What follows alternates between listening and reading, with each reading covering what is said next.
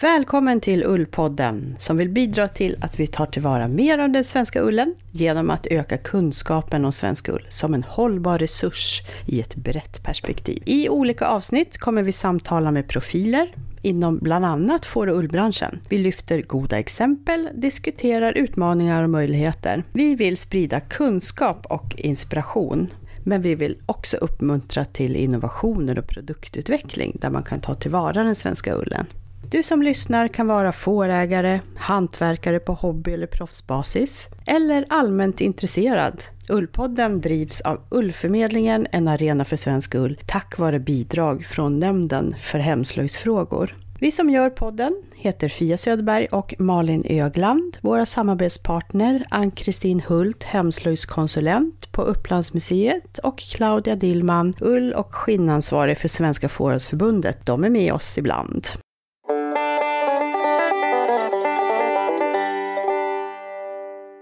Varmt välkommen till avsnitt två. Vi börjar med en intervju med Claudia Dillman som är samarbetspartner och representant för Svenska Fåravelsförbundet. Hej och välkommen Claudia Dillman. Kan du berätta lite om vem du är och om ditt engagemang för svensk ull?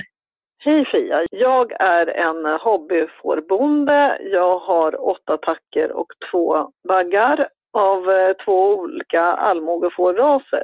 det ena är gästrikefår och det andra är Värmlandsfår. Från början skaffade jag fåren för att ha dem och växel och förhoppningsvis sambeta med mina hästar för att hålla undan lite sly, det som inte hästarna äter upp och också för eh, att hålla ner parasittryck och så. Och sen har jag fått lite betesmark från grannar här som vill ha betat och så har det bara blivit mm. mer och mer. Så då har jag kunnat mm. utöka mm. lite grann. Jag har egentligen stickat sedan jag var liten och jag, jag, tycker om att sticka och jag tycker om att använda mig av naturmaterial.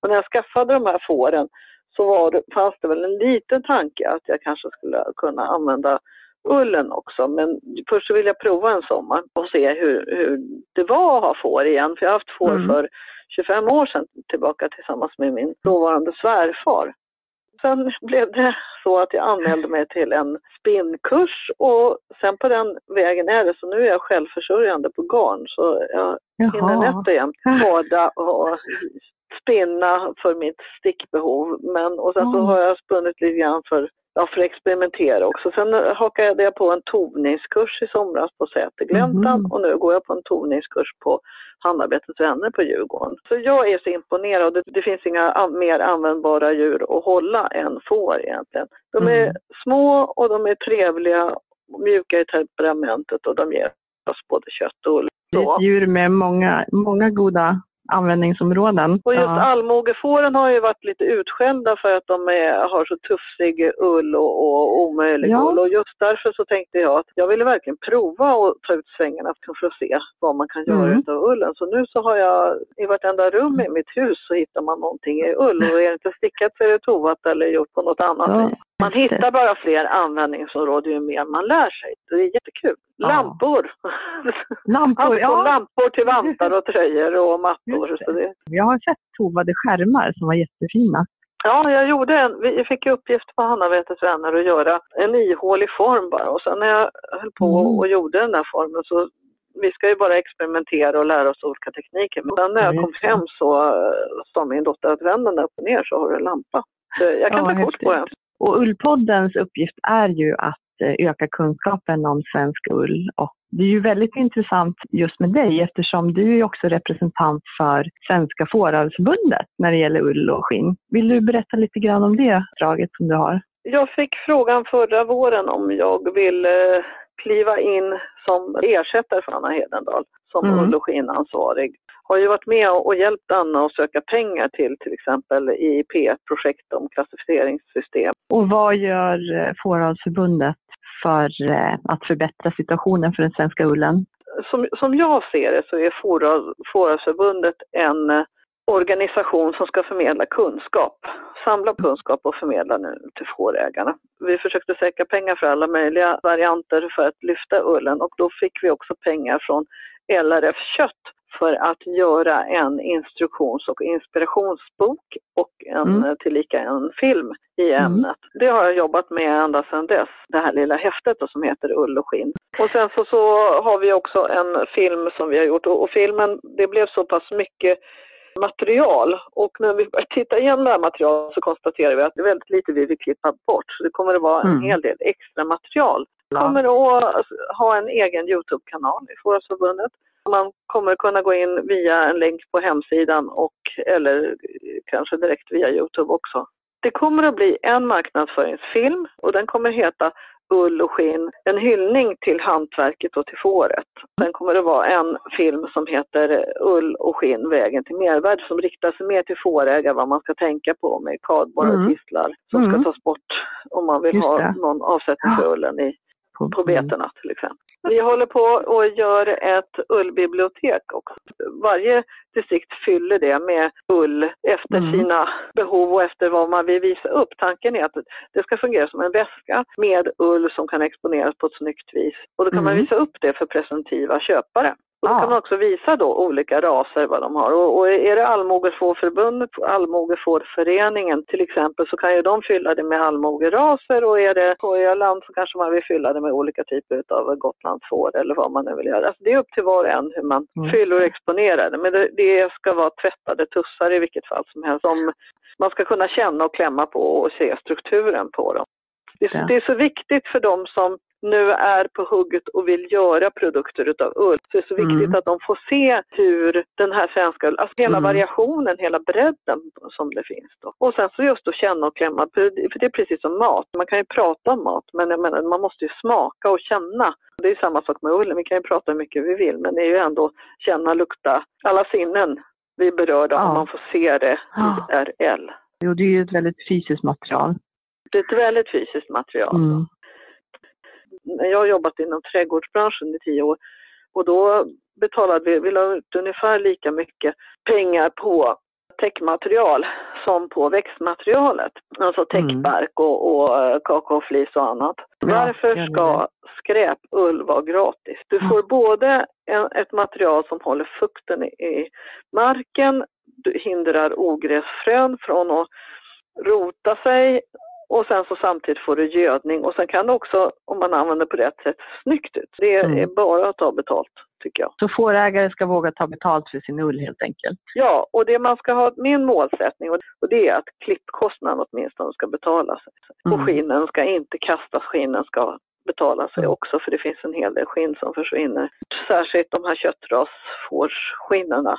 Men det vill jag också försöka ändra på. Men när, när det gäller ullen och ullens egenskaper, vad tycker du är den bästa egenskapen? Det finns så många egenskaper som är unika för ullen. Och ullen har en unik formbarhet och den är också helt otrolig på att motstå smuts och dålig lukt. Man behöver egentligen bara vädra kläder om, och har man fått någon fläck så kan man ju gnugga på just den. Sen är ju ullfibern dessutom svårantändlig. När Mm. fibrerna utsätts för eld då bildas en isolerande askskorpa som skyddar mot vidare skador. Mm. Sen är det ullen så trivbar och elastisk så det är inte klokt. Man kan sträcka ut Mm. fibern upp till 70 procent utöver sin normala längd. Och sen så, så fort som sträckningen upphör så går fibern tillbaka till ursprungsläge. Alltså vi Mm. lägger ju ner miljarders kronor på att uppfinna ett konstfiber som kan allt det här som ullen redan kan. Ju mer man lär sig desto mer tycker man att det är helt ofattbart att vi inte Mm. använder ullen mer än vi gör idag. Ja. Och sen är också ullen en utav de fibrer som är mest fukthållande utav alla fibrer och dessutom, och det som är unikt för ullen när den håller fukten är att den inte kyler, att den håller värmen Mm. också. Det är någonting som är, är superunikt. Och det är därför det är så användbart med, med kläder i, i friluftsliv eller i träningssituationer. Eller Ja. Man blir blöt, blöt om kläderna, man håll- behåller ändå värmen. Och sen i friluftssammanhang är det dessutom som man tänker som jägare och fågelskådare, det är ett tyst material också. Det, det prasslar inte. Nej, Det prasslar många- inte. Nej. Nej, är det en bra fiber och en bra garnkvalitet så är det alldeles, alldeles tyst. Då säger jag tusen tack Claudia Dillman för att du var med som eh, samarbetspart och representant för Svenska Fåravelsförbundet. Tack för att jag fick vara med. Tack!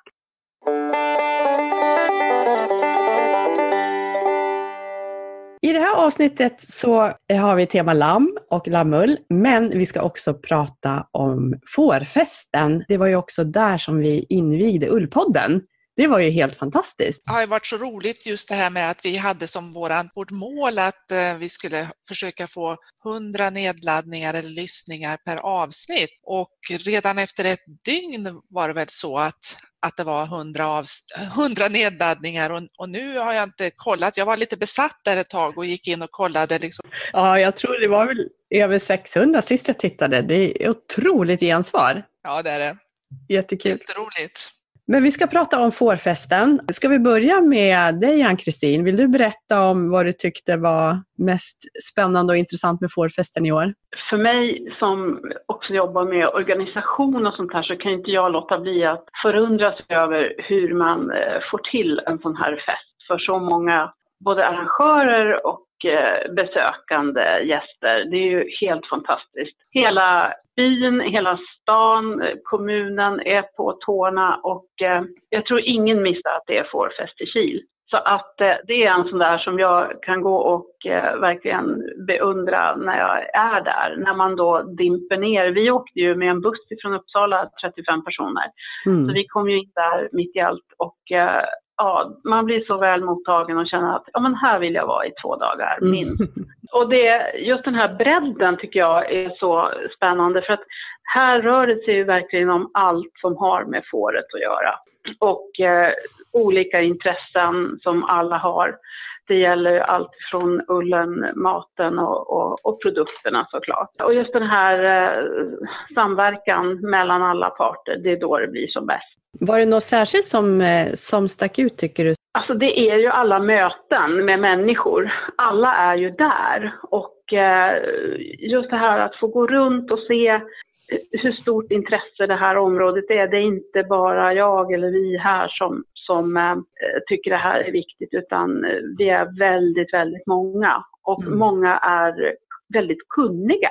För mig var det första gången som jag gick en kurs till exempel och det var ju väldigt spännande mm. att få liksom, gå ifrån det här vimlet en stund och sätta sig och fördjupa sig i, i mm. mitt fall så var det broderi och eh, det var en ny erfarenhet. Och det är mm. skönt att få gå upp och sätta sig och, och bara ägna sig åt en sak och sen gå ner i det här vimlet igen. Det var, det var en sån här halvupplevelse. Mm. Vad tycker du Malin, vad, vad var det bästa med fårfesten?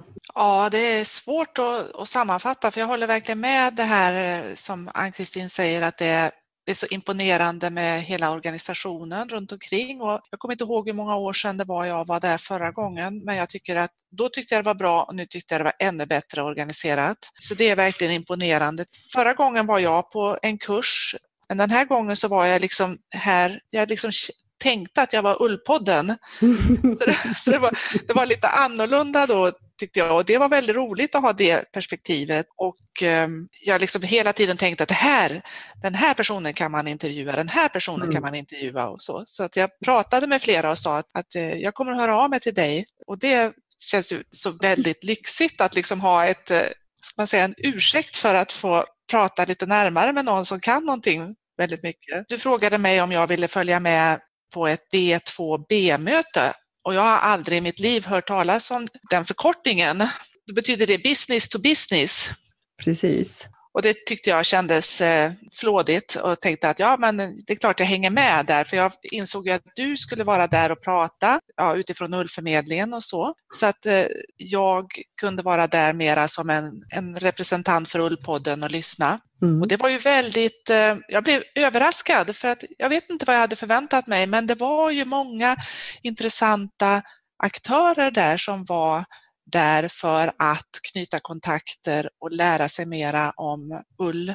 Mm. Vi kan väl flika in där att det var ju Svenska Fårhusförbundet med Claudia Dillman som arrangerade tillsammans med Sveriges konsumenter det här mötet där olika aktörer inom den svenska ullbranschen var inbjudna, just för att skapa nya kontakter helt enkelt. Och det var ju, ja, Ullkontoret var ju där, Tant Kofta, Anita Jan, Swedish Fiber, flera spinnerier, importörer av garn, spinnare Och, men sen var det också personer från bland annat klädkedjor som Filippa K och eh, Röj. Precis. Så det var ju ett intressant möte att skapa nya kontakter med syftet att vi ska använda mer av, av den svenska ullen. Och eh, Claudia hade också med sig Fåravsförbundets ullbibliotek. Tittade du på det Malin? Ja, jag gjorde det och, och, jag tyckte det var så väldigt pedagogiskt och bra bibliotek. Mm. Och eh, jag tänkte just på det, för, för på förra, i förra Ullpodden så pratade jag om det här med att jag först inte liksom fattade det här med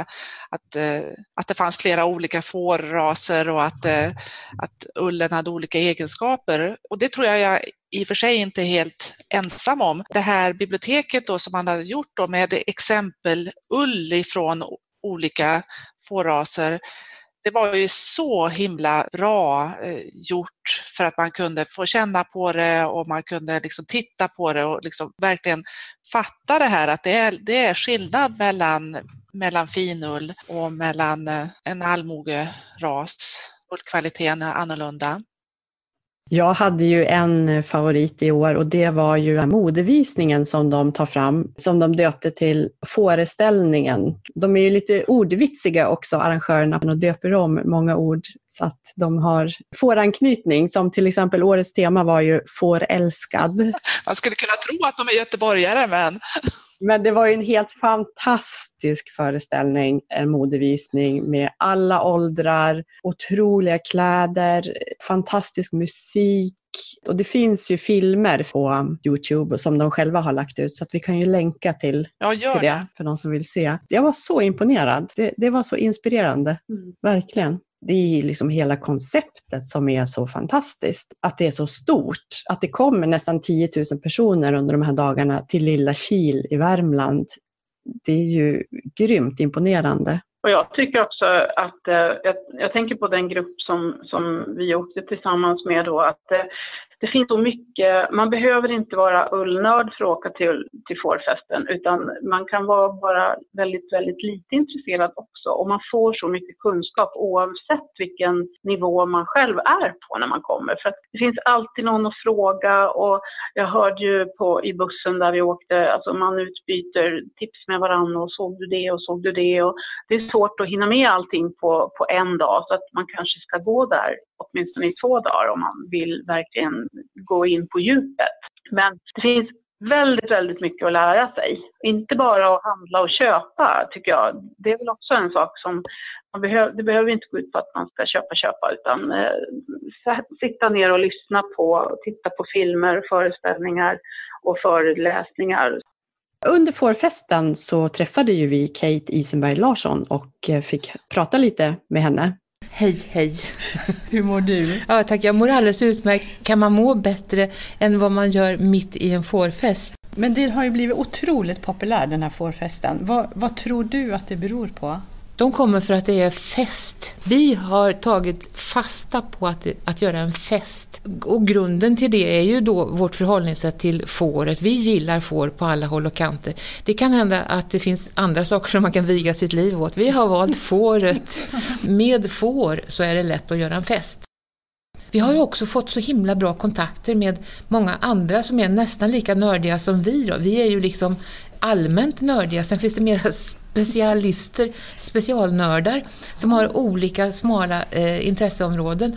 Och vi har faktiskt fått eh, god kontakt med ett helt gäng sådana som kommer hit år efter år och ordnar egna tillställningar också inom detta. Det är inte bara försäljare som står och kränger okay. grejer. Det är även eh, sådana som jobbar för köttet, för olika aspekter utav skinn, olika aspekter utav garn och andra produkter från fåret. Men som också har egna intressen, specialintressen som de passar på att bearbeta här mm. tillsammans med andra. Förhoppningsvis ur mötet så föds det någonting nytt mm. som går vidare. Mm.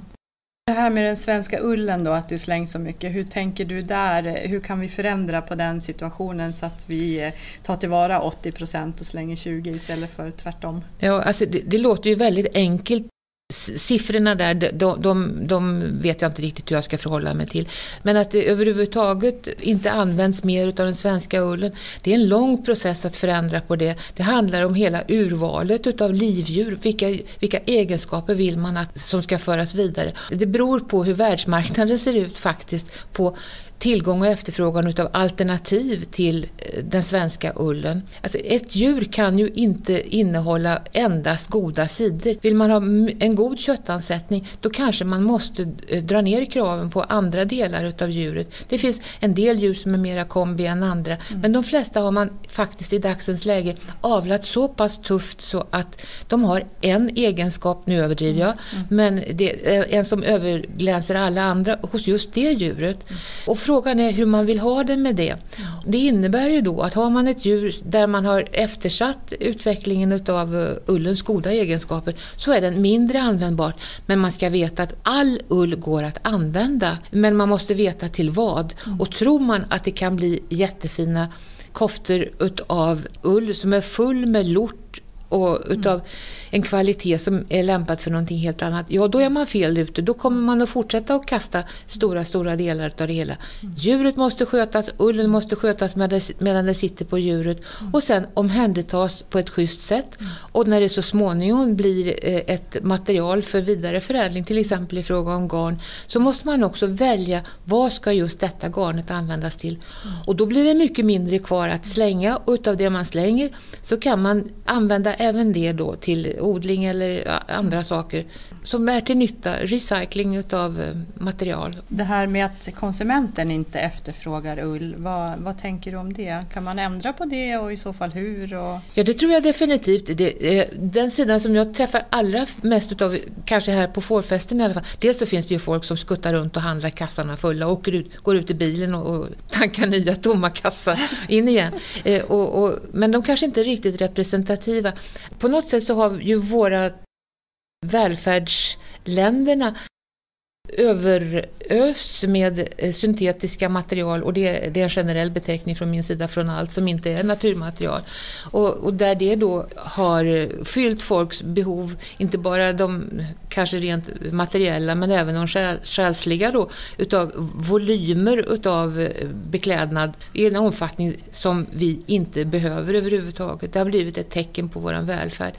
Eh, vi måste liksom för det första återta marknaden, synsättet på att natur material är bra, att naturfiber är nyttigt för oss och, ställer till mindre skada för naturen. En gång så läste jag, tror att det var eh, Kerstin Paradis Gustafssons böcker, att när man hade varit ute i skogen med sin vadmalsjacka så skulle man skrapa bort kådan med en kniv.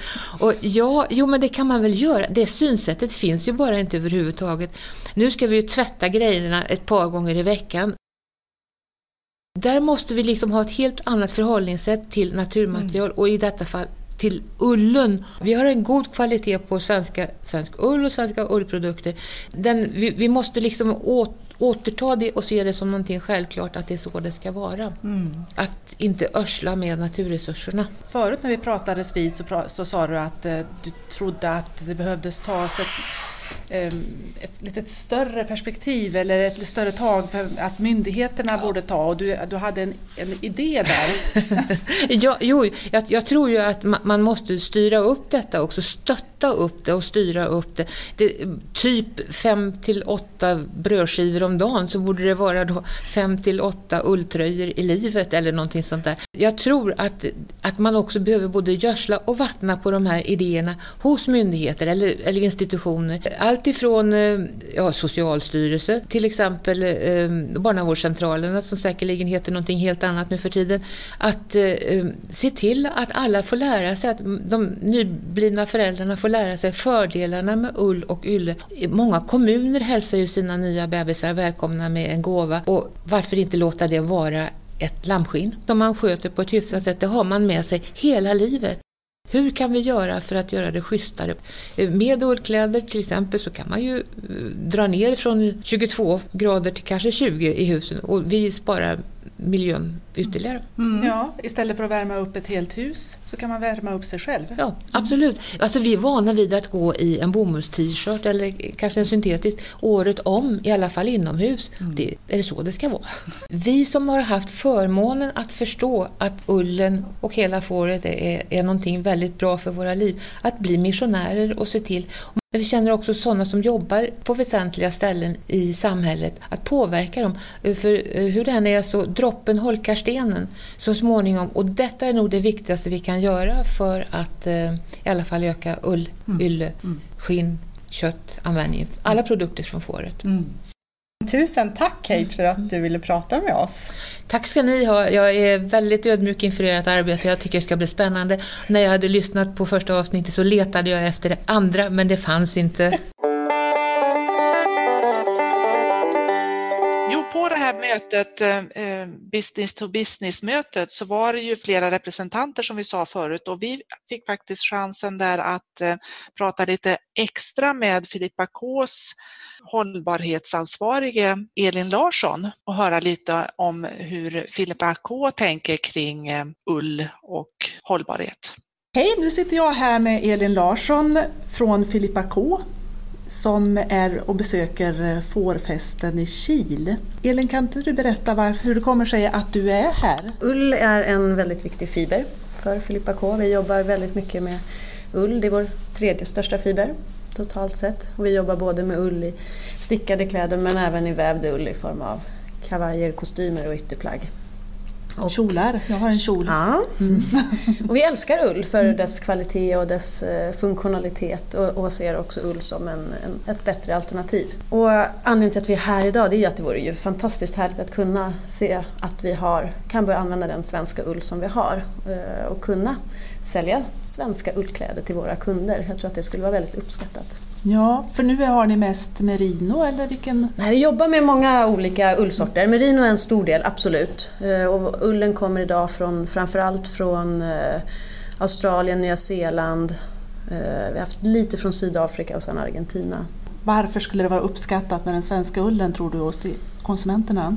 En del så är det en, en, stor fråga kring djurhållning. Det är en viktig del. Det, det mer ekologiska perspektivet, eh, det lokala perspektivet eh, och att också kunna visa på att vi faktiskt är med och driver en förändring. Idag så, så, så slängs eller bränns ju mycket av den svenska ullen och det vore ju fantastiskt att kunna se till att vi tar tillvara på de fantastiska resurser som finns eh, och gör något bra av dem istället. När man pratar om modeindustrin eller hur man ska kalla det för, då kanske man inte i samma andetag tänker på hållbarhetsperspektivet? Nej men absolut, vi har ju stora utmaningar. Vi är ju den näst, näst, näst bäst nedsmutsande industrin efter olja. Så vi har ju enorma resursuttag i form av vatten och energi för att tillverka kläder. Och sen så är ju, råder en ganska stor överkonsumtion. Men det här är ju frågor som vi har jobbat med väldigt länge och vår grundfilosofi är att göra kläder som kan leva länge, både vad gäller stil och kvalitet. Och sen har vi jobbat med att just titta bakåt och i produktionsmässigt. Vilka material jobbar vi med som är mer hållbara? Hur ser produktionen ut? De som jobbar i produktionen, har de schyssta arbetsvillkor och så. Men även tittar åt andra hållet. Hur kan vi hjälpa kunderna att ta hand om sina kläder så de faktiskt lever längre? Eh, vi har till exempel en eh, pimpsten som vi säljer i butik eh, som är fantastisk för att ta bort noppor på ullplagg. Och det är också ett jättebra sätt mm. att börja prata med kunderna om mm. hur man faktiskt tar hand om sina kläder. Vi har också en second hand-butik eh, så man kan köpa begagnat och också ett sätt för oss att visa att våra kläder faktiskt kan leva så länge. Och vi jobbar också med att börja återvinna material och så vidare. Så att hållbarhet är en enormt viktig fråga för oss och det är någonting som vi vill kunna erbjuda våra kunder. Och eh, där ser jag, just i det, eh, så ser jag också att den svenska ullen skulle kunna spela en viktig roll. Du sa här inledningsvis att det är en lång bit kvar. Mm. Eh, och vad, vad, ser du för, för utmaningar här framöver? Jag tror att utmaningarna är nog framförallt att Eh, Eh, jag försökte prata om ekosystem för det gillar jag men det blir lite flummigt så jag ska försöka vara tydligare. Att eh, bygga upp nätverk och kontakter för att se till att det finns en logistik och distributionskedja som faktiskt fungerar. Vi idag vi har ju inga egna fabriker, vi har inga egna spinnerier eller väverier och så, så utan vi är beroende av underleverantörer. Så det handlar ju om att knyta en värdekedja från fårfarmaren hela vägen till, eh, till ett färdigt plagg i slutändan. Och det fattas idag. Och vi pratade också om att det finns idag inget klassificeringssystem för den svenska ullen och det är klart det är en utmaning. Vi jobbar jättemycket med, med eh, med det när vi beställer eh, vad för typ av garn eller tyger vi vill ha. Mm. Vi stod också och diskuterade vad, vad, det är för, vad det finns för ull i Sverige och vad det skulle kunna tillgodose för användningsområden hos oss. Och det, det skiljer sig. Vi gör ju allt från det riktigt finstickade mm. till ytterplagg som är i, i filtad, filtad ull. Så att där skulle vi pratade om att ja, men där skulle man kanske kunna använda den bulkullen som, som, som finns i mängder idag. Ja, just det. Mm. Så där skulle man kunna se ett användningsområde. Mm. Jag skulle säga att man får nog titta på olika vägar, ja. olika värdekedjor beroende på vilket typ av eh, produkt det man vill göra. Mm. Så i det här fallet kanske man får gå från andra hållet. Vad finns det för ull i Sverige och hur, vad kan vi lyckas åstadkomma av det? Jag tror, att, ja, jag tror jag att det handlar om att eh, koppla ihop eh, att värdekedjan inte kan stanna i Sverige för det finns inte den kapaciteten lokalt utan att, att snarare knyta kontakter med den europeiska produktionen. Och Italien du, eh, och Portugal framförallt. Ja, och då menar du typ spinnerier eller alltså ja. den alltså förädlingsprocessen då utav men råvaran kommer från Sverige? Råvaran kommer från ja. Sverige. Jag fick ja. precis lära mig att det enda stora tvätteri vi har i Sverige, eller i Norden, eh, ligger på Gotland. Ja. Och sen är det närmsta i Belgien. Mm. Så att det, bara där, det, det, det finns ju en, en brist i, i, logistik och förädlingsprocesser idag. Ja, jag har tänkt på det här med liksom att skulle man kunna bygga upp, förut hade vi ju en, en textilindustri i Sverige. Mm. Ja, men jag tror att det kommer komma tillbaka. Mm. Eh, och jag hoppas det. Jag tror också med tanke på att vi kommer behöva jobba med mer och mer återvunna material.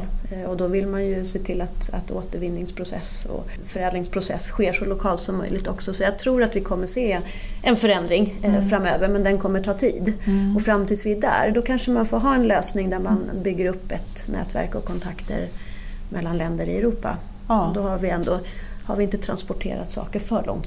Avslutningsvis, det vore ju fantastiskt, nu fick jag ju höra, jag, jag vet ju att, det har, att svensk ull har, har eh, kasserats och bränts eh, till stor del, men idag fick jag också lite siffror. Du sa att eh, 20% används och 80 eh, slängs idag och att målet skulle vara att vi vände på de där siffrorna tyckte jag var jättefint, att vi använder 80% av den svenska ullen.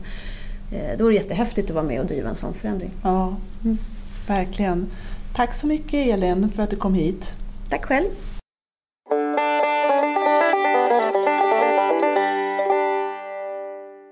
Har det blivit dags att prata om dagens tema som är lamm och lammull. Och det är ju så att just nu är det ju högsäsong för lamningarna i Sverige. På många, många fårgårdar så är ju den intensiva lamningsperioden, den pågår ju just nu. Och vi ska prata lite om den perioden och vad den innebär för, för ullen och annat.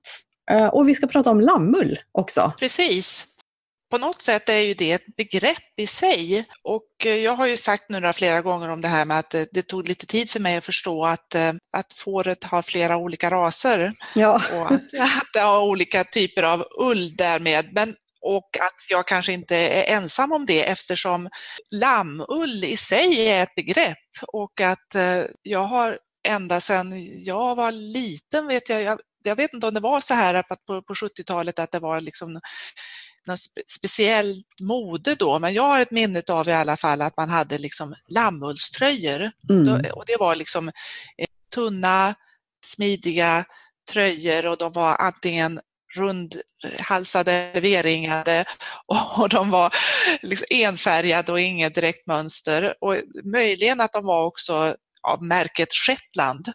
Det minns jag också från 80-tal, eller slutet på 70, början på 80, där alla hade jeans, träskor och så sen en, en lammullströja i någon mild färg, gul eller ljusblå. Eller, det var liksom trenden då. Men vad är lammull egentligen då? Det är ullen från den allra första klippningen på ett får eller ett lamm. Då, då. Och den ullen är mjukare, den är finfibrigare och den är svagare än ullen från de vuxna djuren. Och på många lantrasfår så bildar ullstapeln längst ut en liten lammlock. Det är kanske den som har koll på det här med ullfibrer och olika raser har säkert noterat det, att på vissa raser så är det en liten skruv längst ut på själva ullfibern som kallas för lammlock. Och eh, lammullen används till mjuka eh, material och kläder men inte så slitstarka. Och det kan man ju förstå. Vad är dina erfarenheter av lammullan, Kristin? Det är just det här man tänker på den mjuka, fina ullen. Men eh, att eh, sticka och, och, använda den till till exempel toning, det har jag inte så stor erfarenhet av. Annat än att eh, jag vid något tillfälle har råkat ut för lammull i ett kardflor som var, gjorde sig väldigt svårt att tova. Men eh, annars är det ju just det här man förknippar eh, lammull med mjuka fina kläder som eh, oftast kanske är lite dyrare än andra också. Och sen slitstyrkan kanske inte alltid är så hög. Som sagt, när det gäller själva hantverket så har jag inte så stora erfarenheter. Jag har ju sålt ganska mycket lammull från våra roslagsfår på marknader. Det har ju gått jättebra att sälja den. Den har ju gått åt som smör i solsken. Men sen har jag inte så stor kunskap om hur folk har använt den och vad den liksom har passat bäst till och så. Men det kanske våra lyssnare kan svara lite på Eh, om ni har använt lammull. hur går den att tova till exempel? Det, det, skulle vi gärna vilja få lite mer kunskap om. Och när det gäller lammull så kan det också vara så att man kan ta tillvara ullen från baggarna.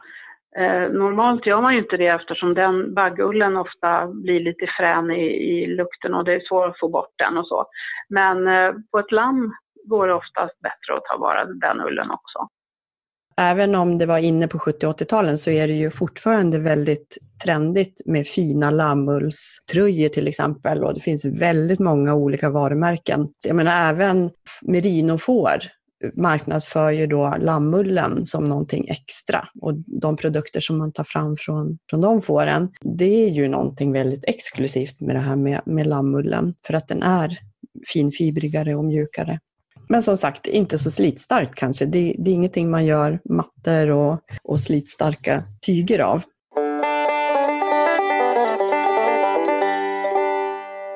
Ja, Fia, du är ju lammbonde får vi nästan säga nu, eller hur? För du har ju en 35 tacker nu som i tur och ordning här ska lamma. Kan du säga någonting om det här om att vara, gå från fårbonde till att vara lammbonde? Ja, det är ju en ganska stor omställning. Just nu är vi ju mitt i lamningssäsongen, precis som många andra fårgårdar. Och man går verkligen in i någon slags lammdimma när, när det är lamningssäsong. Och eh, jag följer många Facebookgrupper om får och fårskötsel. Och, och jag läste igår att någon som, ja, efter att äntligen har fått sova efter 36 timmar så råkar det här hända med ett lamm som dog. Och en annan som skrev att ja, nu är lamningen över och det blev åtta lamm totalt. Nu behöver jag sova i en månad. Och i morse läste jag på Instagram en fårbonde som var halvvägs in i lamningen och det lammade precis överallt och det hade kommit 400 lamm och det var ungefär hälften. Så det är stort och smått och eh, alla gör en insats oavsett hur många lamm man har det säger lite grann om, om eh, den mentala, fysiska och emotionella insats man gör under den här perioden. Därför att man vill ha superkoll på alla led, för det kan hända så mycket. Vi har ju en övervakningskamera som är till väldigt stor hjälp. Så det är ju årets roligaste period, men det är också årets jobbigaste period. Och det är ju väldigt gulligt och idylliskt med de här lammen, men när man är mitt uppe i det, då är man så upptagen med att ja, rädda liv om man får säga så. Ofta så går det ju bra, men de gånger det inte går bra, då vill man ju vara där.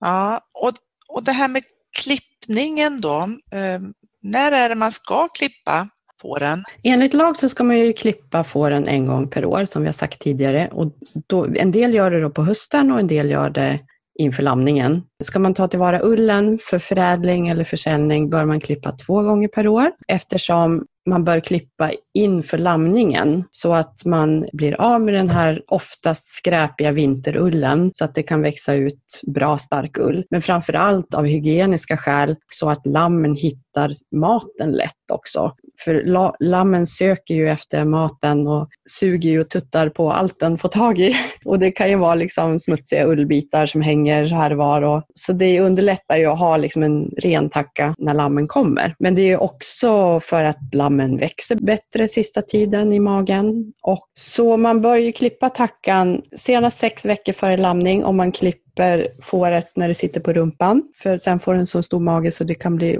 ohälsosamt för en. Har man ett, en klippstol så kan man ju baxa upp fåret medan det är dräktigt och en ganska stor mage. Man ska inte stressa dem, liksom, men och då kan man klippa lite senare in på lamningen. Men jag har ju hört att man förr klippte både tre och fyra gånger.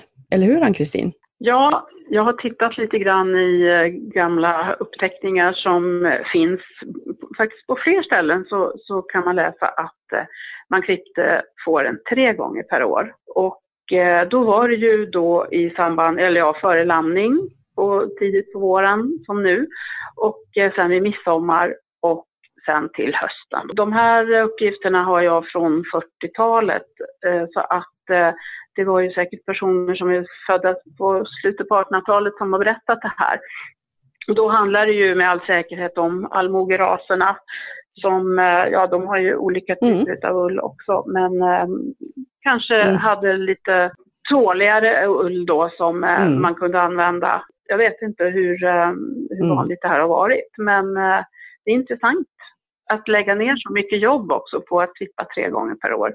Så det visar ju att, man var, att ullen var värdefull och att man ville verkligen ta vara på det och få ut det bästa. Och då hade man ju kanske inte heller foder som man kunde ge extra under, inför, under och inför landning och så. Så att, eh, då tog man ju bort den här dåliga ullen som växte fram under eh, perioden liksom. Ja, för det är ju jätteviktigt att se till att näringsförsörja tackan på ett bra sätt under dräktigheten och sen framförallt under digivningen när näringsbehovet ökar enormt eftersom all näring går åt till lammet så blir den ullen blir ju väldigt skör och tunn om inte tackan får en proteinförsörjning som, som hon behöver. Eftersom ullen fortsätter att växa även om den liksom får lite näring. Och det är det man ser, kan se ibland som det man kallar för svältrand i ullen då, att den har påverkat så under den här perioden. Ullfibern får en liten midja, man ser ju kanske inte det med ögat, men att den blir väldigt tunn på en, ett ställe då, fast sen så fortsätter fortsätter den ju ändå växa och sen när den får mera näring så blir den starkare av det som kommer underifrån. Mm. Och har det varit för näringsfattigt då när fibern ska förädlas eh, till någonting så riskerar den ju att gå av för att den är så tunn då på mitten. Så det är också en anledning till att se till att ha bra hull på tackorna under dräktighet och digivning och att göra en foderstat för att ta reda på vad, hur mycket mat och hur mycket protein behöver de. Jag pratade med Titti Strömne häromveckan som är lammrådgivare och eh, har Glada fåret, ett företag. Hon har också vunnit ull-SM när fåret har lamm och ger di så tar ju all, all kraft tas ju liksom mm. till lammet och det mm. påverkar ju ullfibern. Mm. Hur, är det här någonting som du tänker på och mm. har du några tips? Jag försöker tänka på det på så vis. Man ser ju att ullen blir påverkad under sista tiden av dräktigheten innan lamning och sen också under digivningen. Hur ser du, hur ser du det då? Den kan bli lite um, alltså hårdväxt, alltså ska man säga kortväxt och hopknorvad. Alltså som att den har växt långsamt. Uh, att den blir, och det blir hårdklippt också då. Det är mm. väldigt mycket krus på lite kort ulllängd. Eh, och sen kan det ju bli så att det, att det blir lite kala fläckar ibland. Eh, de tappar lättare ull. Det kan bli liksom att det dras ut ull, det blir lite tussigt i fällen. Och sen så ser man ju att ullen blir lite glanslös och, och tråkig, precis som hår kan bli om man ammar. Liksom. Men det man kan göra det är ju att eh, verkligen se till att näringsförsörja tackan. Helt enkelt bra utfodring. Mm. Och då är det, tänker jag på eh, framförallt att man ser till att tackan är proteinförsörjd. För mm. det är inte så himla lätt. Det slarvar en hel del med att se till. Man kanske lyckas täcka energibehovet.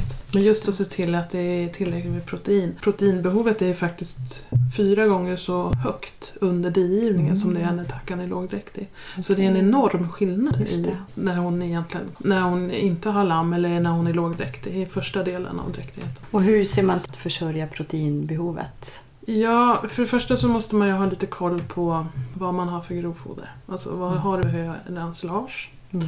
Vad innehåller det? Lyckas man skörda tidigt mm. eller ha en stor andel klöver i, gödsla mycket, mm. då kommer du att få ganska bra proteininnehåll i ditt ensilage eller hö. Och eh, då behöver du inte komplettera med lika mycket kraftfoder. Så det gäller att hålla lite koll på dels vad grovfodret innehåller men sen också att man eh, gärna gör en foderstat. Att man räknar ut och om man inte kan själv så kan man ju lägga in det. Eh, att man verkligen räknar på ja, men vad behöver min grupp av tackor eller mina grupper av tackor under lågdräktighet, högdräktighet under digivning. Och så får man liksom foderstöt. Att den här nivån av, ska du ligga på, så här mycket kraftfoder ska du ge. Och den här typen av kraftfoder passar. Har man lågt eh, proteininnehåll i sitt grovfoder då får man komplettera med ett kraftfoder som har högre proteininnehåll. Och eh, i Sverige så är ju de vanligaste åkerbönor eller ärtor. Och sen är det ju många som använder sig av ett inköpt koncentrat, alltså ett pellets. Mm. Eh, och då är det oftast raps till exempel i, eller ärtor eller åkerbönor och ibland sojamjöl också. Även om vi använder väldigt liten andel soja i fårfoder när det blir för dyrt. Mm. Men det är väldigt högvärdigt protein. Vilken skillnad då på kvaliteten på ullen när du har gjort ett bra jobb med, Ja, ja. med Det utfodringen. Det är så- jätteskillnad för tackorna håller hullen mycket bättre och det påverkar ullen och det påverkar mjölkproduktionen. Och sen också en annan grej som jag märker det är ju att man verkligen ser till att de har mineraler. Att, och att man satsar på mineraler som de äter. Mm. Det gills liksom inte att ställa in, nu låter jag som en fröken. Jag märker att många ställer in eh, mineraler och sen tänker man inte på om den där, de kanske ställer in eh, den man hade på bete, en sån här hink Mm. eller ett balja. Så tänker man inte på vad som faktiskt bör gå åt och om det är någon som överhuvudtaget slickar på den där stenen.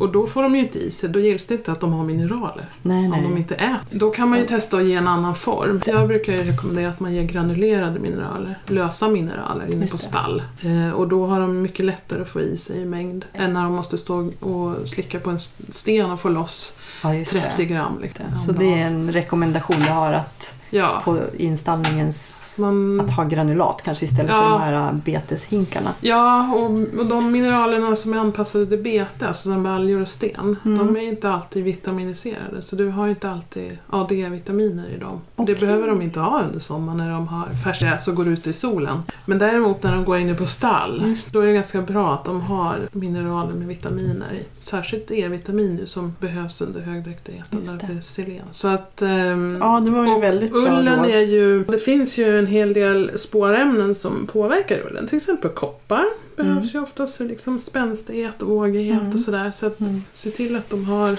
bra, att de har mineraler som de äter av. Och eh, räkna gärna foderstat så de ligger rätt i protein. Eh, sen finns det naturligtvis saker som påverkar ullen men det är ju mera fysiska grejer, hur man fodrar, grovfoder och sånt. De yttre det- faktorerna, hur, ja. hur de äter och uppifrån eller nerifrån. Och, Ja, dels hur skräpullen blir beroende på hur man fodrar det. grovfodret men, och, eller, och hur man halmar. Och också hur mycket, vad ska man säga, såna här nötskador det blir beroende på vad man har för foderhäckar eller foderbord. Så att man tänker att det inte blir för mycket nött. När de stoppar in huvudet. Att man har höj och sänkbart allt eftersom ströbädden växer eller Jo, man har ju väldigt olika system för det här beroende kanske Mm. hur många får man har också. Ja, men det går ju att göra ganska enkelt ända tills lammen kommer. Mm. Om man har lamning inne på stall och lammen är inne ett tag, då vet ju alla hur det är att försöka hålla lammen ifrån foderbordet Ja. eller foderhäcken. Ja, det är nästan till hopplöst.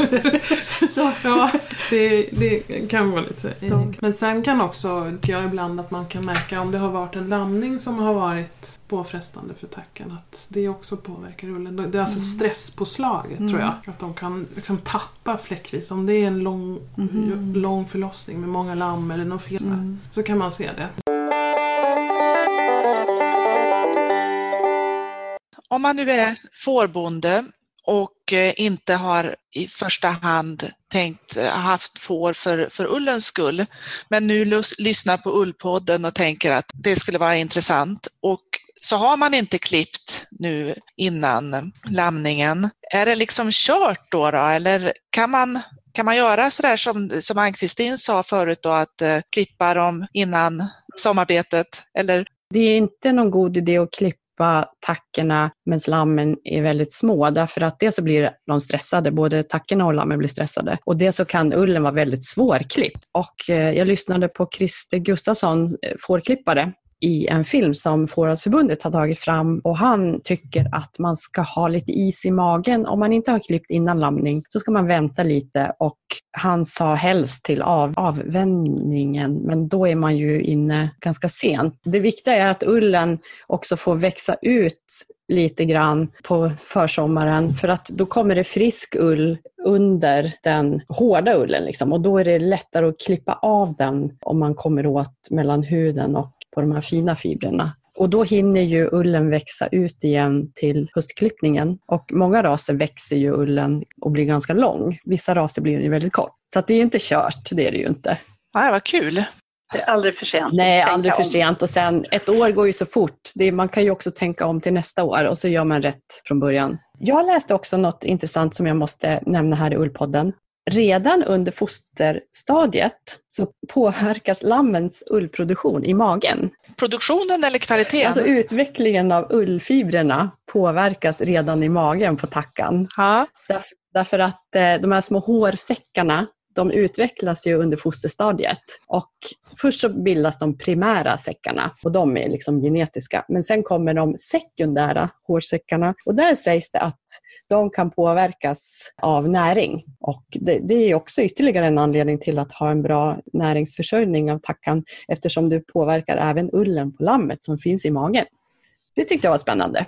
Vi, vi har ju pratat om det här nu, eller ni har sagt här flera gånger att den här ullen som man klipper nu, den är inte så himla fin och man kanske inte kan använda den till förädling, men det går jättebra att använda den som i trädgårdsarbetet. Mm. Och då skulle jag vilja veta, liksom, hur menar ni då? Ska man gräva ner den i trädgårdslandet? Ska man lägga den ovanpå? Var, var ska man göra av Jag har den? hört folk som både använder ullen som täckodling. Ni vet när man gör en täckodlingsbädd så kan man lägga tidningspapper och halm och gödsel och ensilage och bygga upp. En del lägger ullen i botten istället för tidningspapper. Och om ullen dessutom är skitig då, då blir det ju lite gödning också. Och då täcker ju det liksom att det inte ogräset växer igenom. Ett annat sätt det är ju att lägga mellan raderna i trädgårdsland just för att dämpa ogräset som kan komma upp där, som för att täcka helt enkelt. Har du något tips Ann-Kristin? Ja, jag har ju hört någon som har lagt eh, ull i botten på blomkrukor till exempel. Just för gödning också då och sen som utfyllnad naturligtvis då, för det, det försvinner ju så småningom men inte väldigt snabbt utan det fyller ju ut som eh, istället för jord då. Jag har faktiskt provat det här med att bekämpa ogräset i mina små trädgårdsprojekt. Men jag tror jag har tagit för lite ull. Jag tror man måste ta väldigt ordentligt med ull, alltså väldigt tjockt. Det är ju bara att vräka på. det, sjunker, det sjunker ju ner ganska snabbt. Ja, det säger ju Claudia också i, i intervjun, att det är ett fantastiskt material för, för trädgårdsarbete. Nu ska vi introducera en helt ny återkommande punkt, hoppas vi, i Ullpodden, Ullpatrullen. Och eh, syftet med det är att vi vill testa olika produkter av ull. Ja, precis. Vad har vi för något idag i Ullpatrullen? Jo, när jag var på väg till ehm, fårfesten så var det ju ganska kallt i stora delar av Sverige och jag funderade rätt så mycket på vad man ska ha på sig för att inte frysa så himla mycket och då såg jag ju runt omkring mig att väldigt många kvinnor har täckkjol på sig och tänkte att ja men just det, det är ju en fiffig grej verkligen det här med täckkjol. Men ska ju ha en i ull förstås. Jag hade liksom i bakhuvudet när jag åkte till, till fårfesten att jag skulle leta efter någonting, ja någon nålfilt kanske eller någonting sånt där så att jag skulle kunna göra en, en täckkjol, ulltäckkjol. Men såklart har ju någon annan redan kommit på en sån här smart idé så att när jag var i den här eh, utställningshallen så var det ju en, eh, en försäljare som redan hade täckkjolar, ull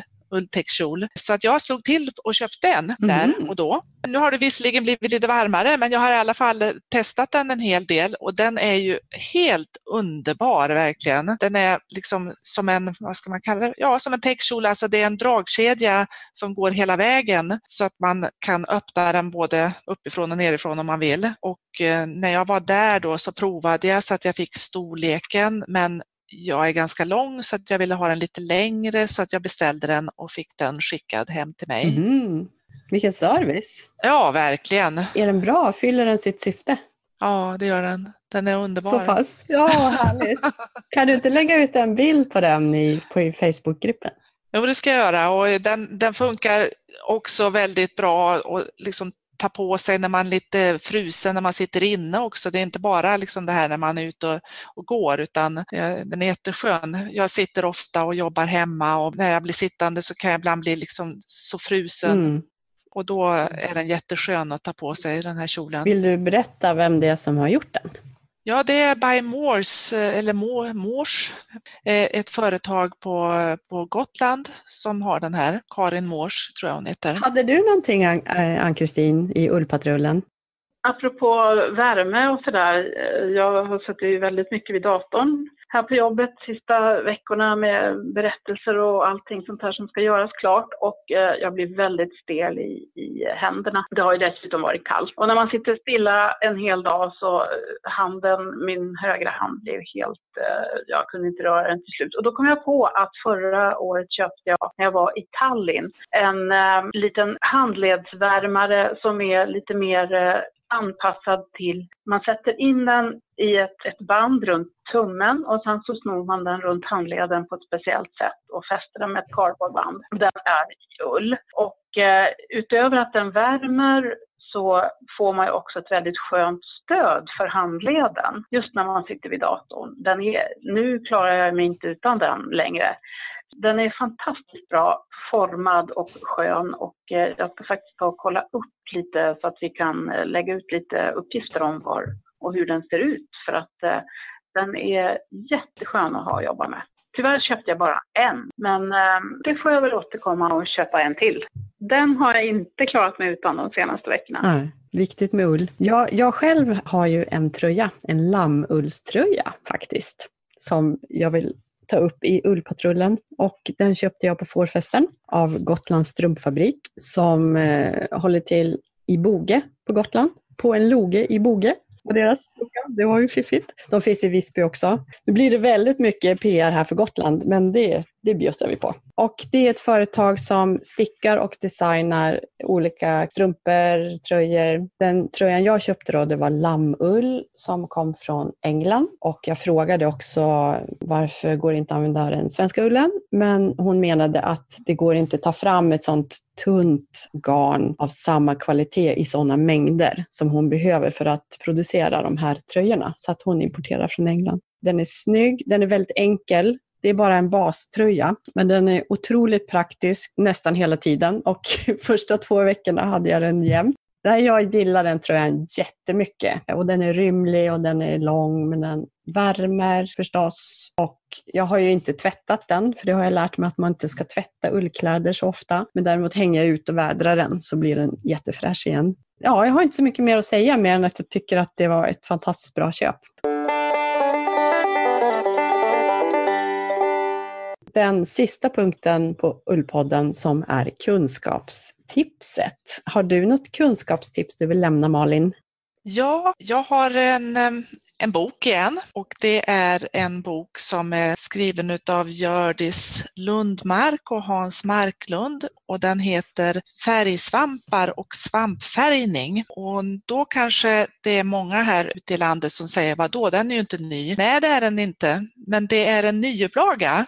För att det är nämligen så att eh, den har varit slut ganska länge och eh, jag fick tips om den här boken eh, när jag läste tidningen Hemslöjd i höstas tror jag det var. Det var en jätteinspirerande artikel om Gördis Lundmarks ja, livslånga erfarenhet av att färga med eh, svampar.